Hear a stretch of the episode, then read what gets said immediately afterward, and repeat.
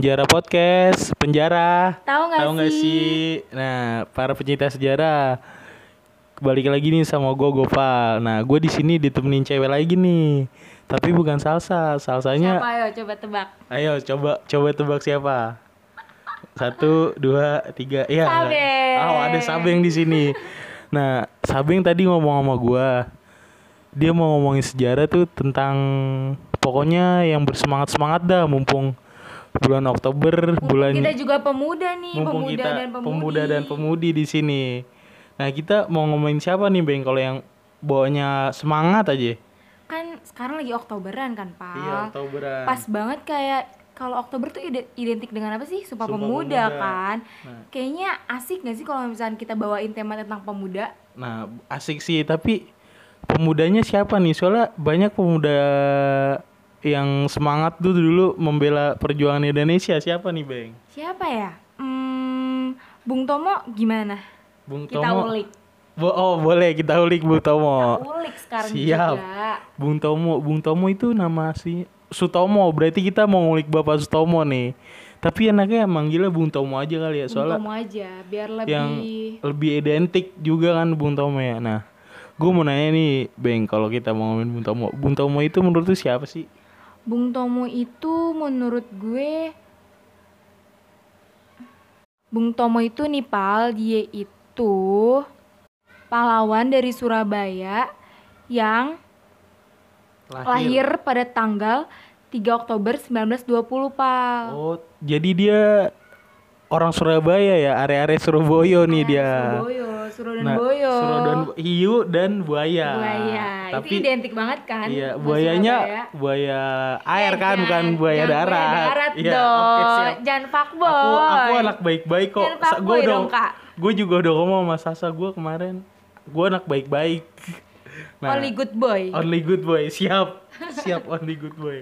Oke, Terus jadi Bung Tomo itu kan dilahirin di di Kampung Blauran, Pal. Oh, Kampung Blauran tuh tetap di adanya di Surabaya. ya? Surabaya lah. Hmm.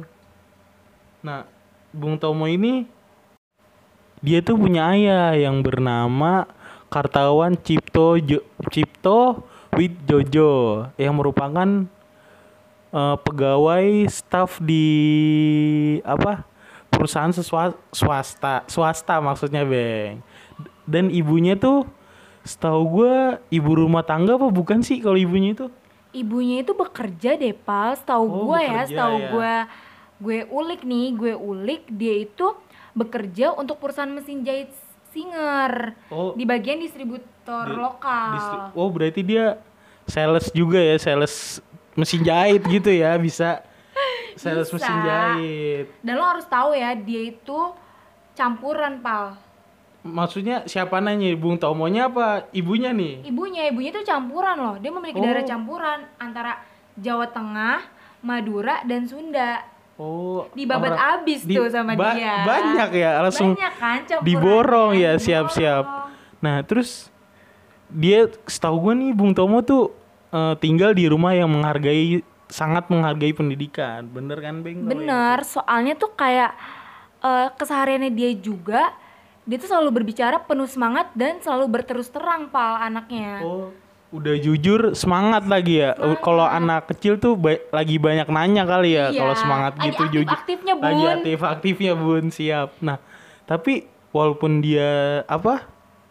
eh tumbuh di rumah yang menghargai pendidikan, tapi setahu gue pendidikannya tuh pendidikan komersilnya lah, nggak mulus, Beng, Iya, karena emang gak mulus. di umur 12 tahun nih setahu gua dia cabut dari mulo. Mulo. Mulo apa Putus sih? sekolah Bu- dia. putus sekolah. Mulo. Mulo, itu apa? Mulo tuh apa Eh, sih? mulo. Coba deh guys, tahu nggak mulo tuh apa? Eh, ayo mulo apaan guys? Mulo tuh ya guys, mulo tuh ya guys, itu tuh eh Eh, sekolah. Jadi guys, mulo itu sebutan buat eh, SMP kalau di Oh, zaman dulu tuh. zaman dulu tuh sekolah Sebenarnya mulo. pertama tuh namanya sebutannya mulo ya Mulo. Kalau sekarang Oh, baru tahu nih kayak gua. kayak kopi kulo. kayak kopi ya kan? taunya anak-anak sekarang cuman kopi kulo Iya kan anak-anak Ngopi, sekarang kan ngopi. ngopi ngopi ngopi. ngopi-ngopi mati ntar yang ada ya kan kebanyakan ngopi kayak Mbak Surip nah Lah, kalau dia SMP udah putus sekolah, pendidikannya gimana tuh, Bang? Padahal dia berkembang di apa? Rumah yang sangat menghargai pendidikan. Yang gue baca sih apal, dia kan SMP juga putus sekolah kan. Ternyata pas SMA dia itu udah mau daftar nih di HBS. HBS itu HBS tuh apa? Nggak HBS tahu. itu tuh apa tuh eh, HBS? kalau zaman dulu nyebutnya itu HBS itu SMA pal. Oh, buat SMA. Ja- oh, Iya. mungkin dia nggak lulus karena eh lulus lolos kali ya, lolos buat daftar di HBS tuh gara-gara di mulonya tuh putus dia. Jadi Iya, nggak punya jadi kayak- ibaratnya nggak punya ijazah mulo buat Iya, jadi kayak mau lanjutin. gimana? Dia mau nerusin ke SMA juga nggak bisa Nggak dong. bisa ya. Tapi tuh setahu gua akhirnya dia eh, gabung ke KBI. KBI itu setahu gua kepanduan bangsa Indonesia. Nah, pas di KBI itu dia jadi punya sikap nasionalis di dalam organisasi itu nih. Terus dalam dia mendapatkan rasa nasion- nasionalis itu dari kakeknya juga. Menurut tuh gimana tuh, Bang? Menurut gue sih buat orang-orang nih ya yang putus sekolah atau gak lolos masuk SMA gak usah bersedih atau berkecil hati. Kita lihat nih dari Bung Tomo. Dia SMP aja putus sekolah kan. Putus sekolah Terus ya. pas. SMA juga dia nggak lolos keterima. Tapi gimana caranya dia bisa masih punya rasa nasionalisme gitu loh. Iya, istilahnya masih mau nyari ilmu ya, Bang ya? Iya, dengan cara apa Mas- coba dia bergabung dengan KBI. Oh, Ya iya, kan? gabung ke KBI ke Pandu. ke- Dan menurut gue juga ini tuh jadi pengganti yang sangat baik sih untuk pendudukan pendidikan formalnya dia. Oh, karena dia juga putus sekolah di SMP terus mau masuk SMA-nya pun juga itu ya apa Sulit lah ya. sulit nggak lolos di- iya iya benar nggak bilang. lolos Kayak kalau penyebutan sekarang sih apa tuh kalau penyebutan sekarang ijazah nggak sih? Dia Iya. nggak punya ijazah. nggak punya ijazah jadi susah juga ya ibaratnya nggak punya ijazah SMP mau masuk SMA tuh susah nah walaupun putus sekolah gitu ya bang terus walaupun juga cuman masuk di organisasi KBI dia tuh seorang jurnalis loh bang Hebat gak sih? Gila hebat banget hebat sih. lah karena gimana ya ibarat lu nggak punya ijazah apa-apa nih tapi bisa jadi seorang jurnalis dengan bermodal pengalaman sih menurut gue itu ya Iya, dan dia juga bekerja loh, bekerja di sebuah kantor berita Domei Susin.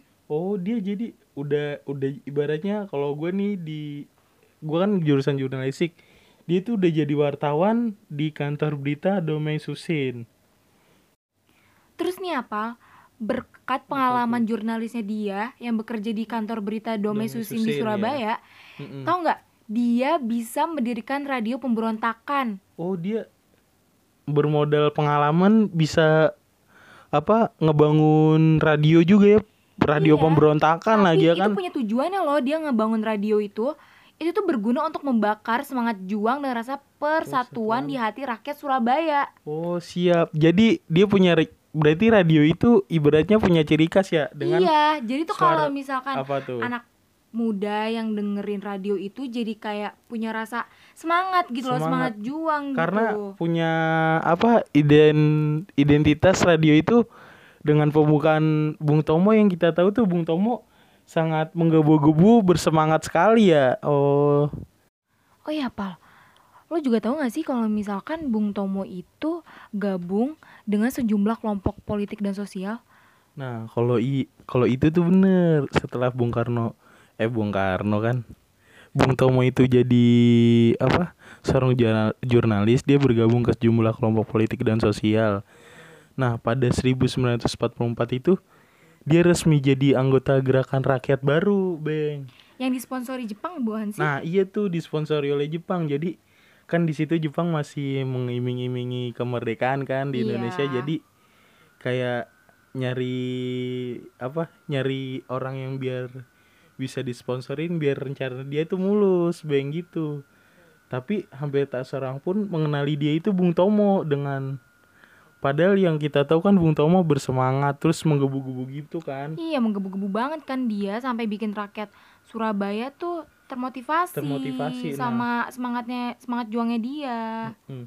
Namun pada apa bulan November di 1945 pada tepatnya itu tanggal 10 November eh, Bung Tomo tuh menjadi salah satu pemimpin yang menggerakkan dan membangkitkan semangat rakyat Surabaya Bang yang kita yang kita tahu lah yang dengan apa Lalu pi- pidatonya iya, bukan pidato, sih?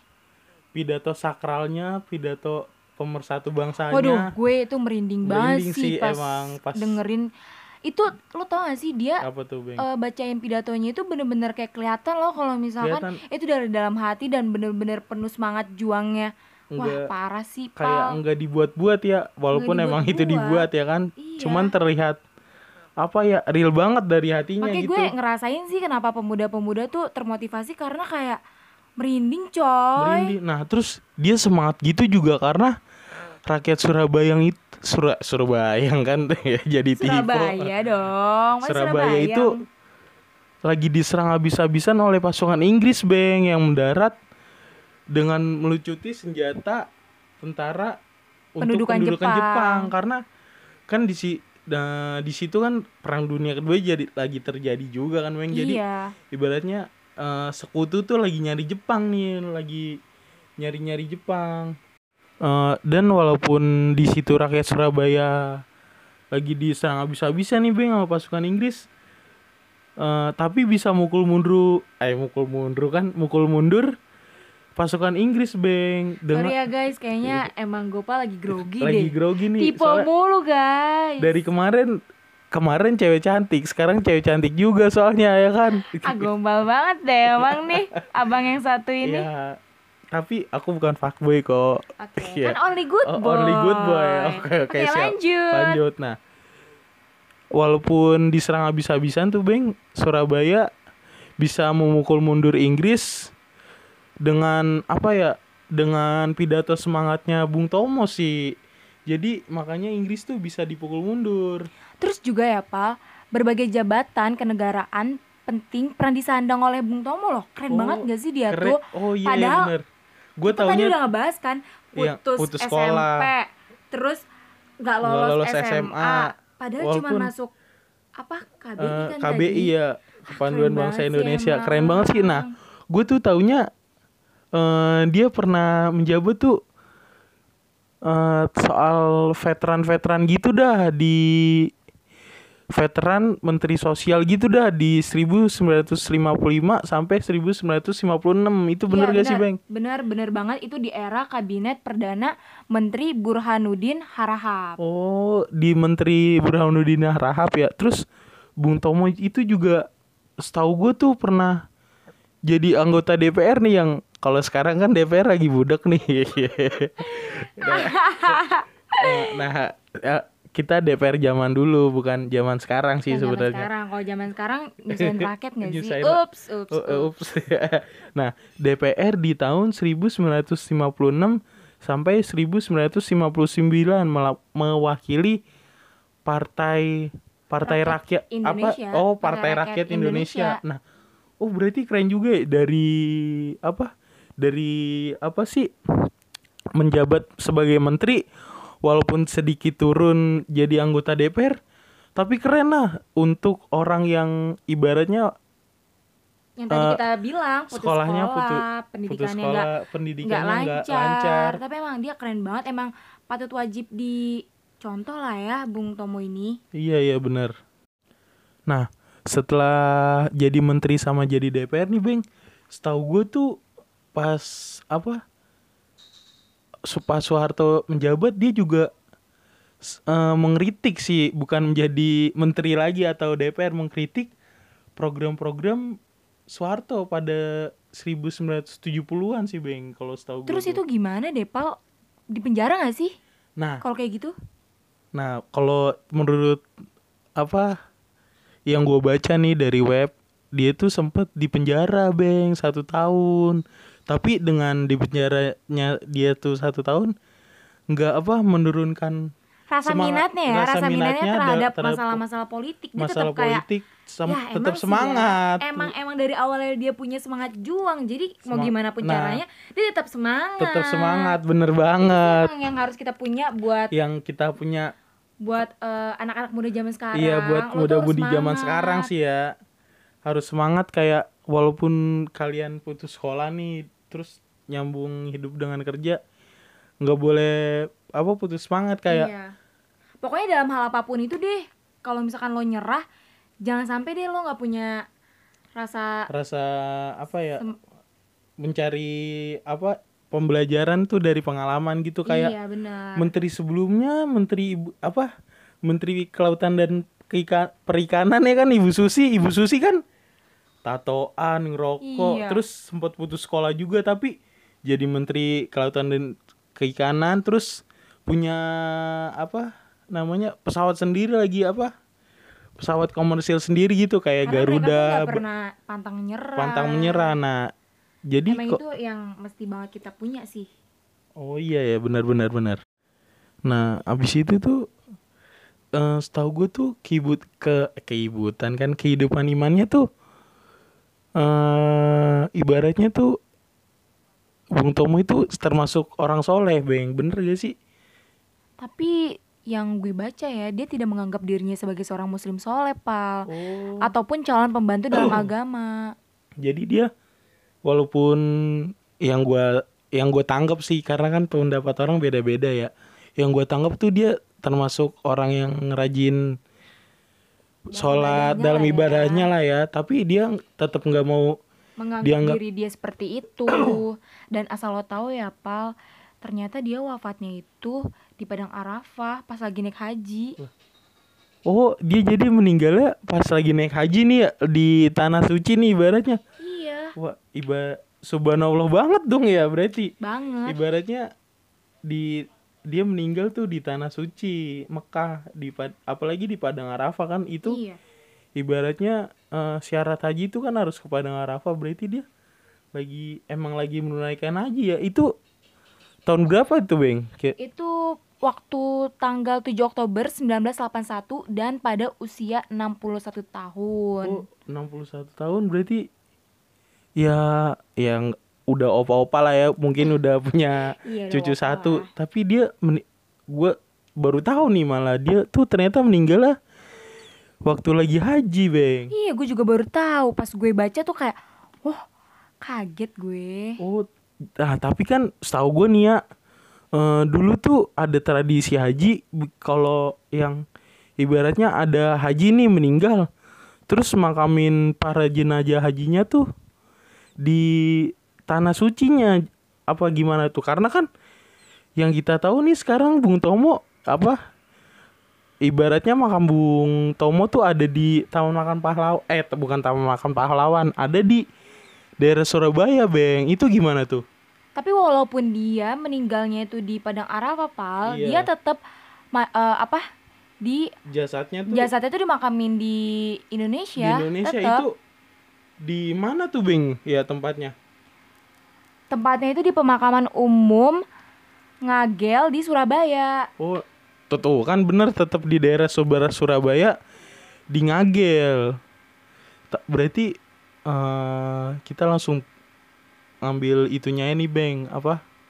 Poinnya lah. Jadi tuh kalau kita jadi ya walaupun putus sekolah nih kayak Bung Tomo atau yang lain tetap harus semangat dan gak boleh pantang nyerah sih Nggak boleh itu pantang nyerah itu ya. bener-bener poinnya dari kisahnya Bung Tomo sih kayak gitu Iya, tetap bersemangat walaupun nggak punya apa, ibaratnya nggak punya ijazah. Padahal mah kan Iya. ijazah, ibaratnya sekarang S1 di mana-mana. Kebanyakan malah S1 Iya, nganggur ya iya kan. bener Hmm. jadi nggak usah takut guys kalau misalkan kalian ada yang putus sekolah atau nggak sekolah sama sekali nggak usah takut dan nggak boleh pantang Nggak menyerah boleh pantang menyerah. Yang penting yakin lu jalanin terus apa? Dengan keyakinan itu banyak pelajaran hidup kak, Mbak. Mungkin ya Beng ya. iya bener pal para pecinta sejarah Iya. eh, sampai sini dulu ya Iya sampai podcast sini kita dulu nih. Kita ngomongin Bung Tomo sampai sini dulu nih. Mungkin eh, di episode-episode selanjutnya kita bakal, bakal, ada, ada, yang lebih seru, sejarah yang lebih seru yang lebih seru, pokoknya yang kalian lebih harus nantiin yang yang mungkin kalian walaupun denger cuman denger cuplikannya pasti dengerin sampai habis ujung-ujungnya. iya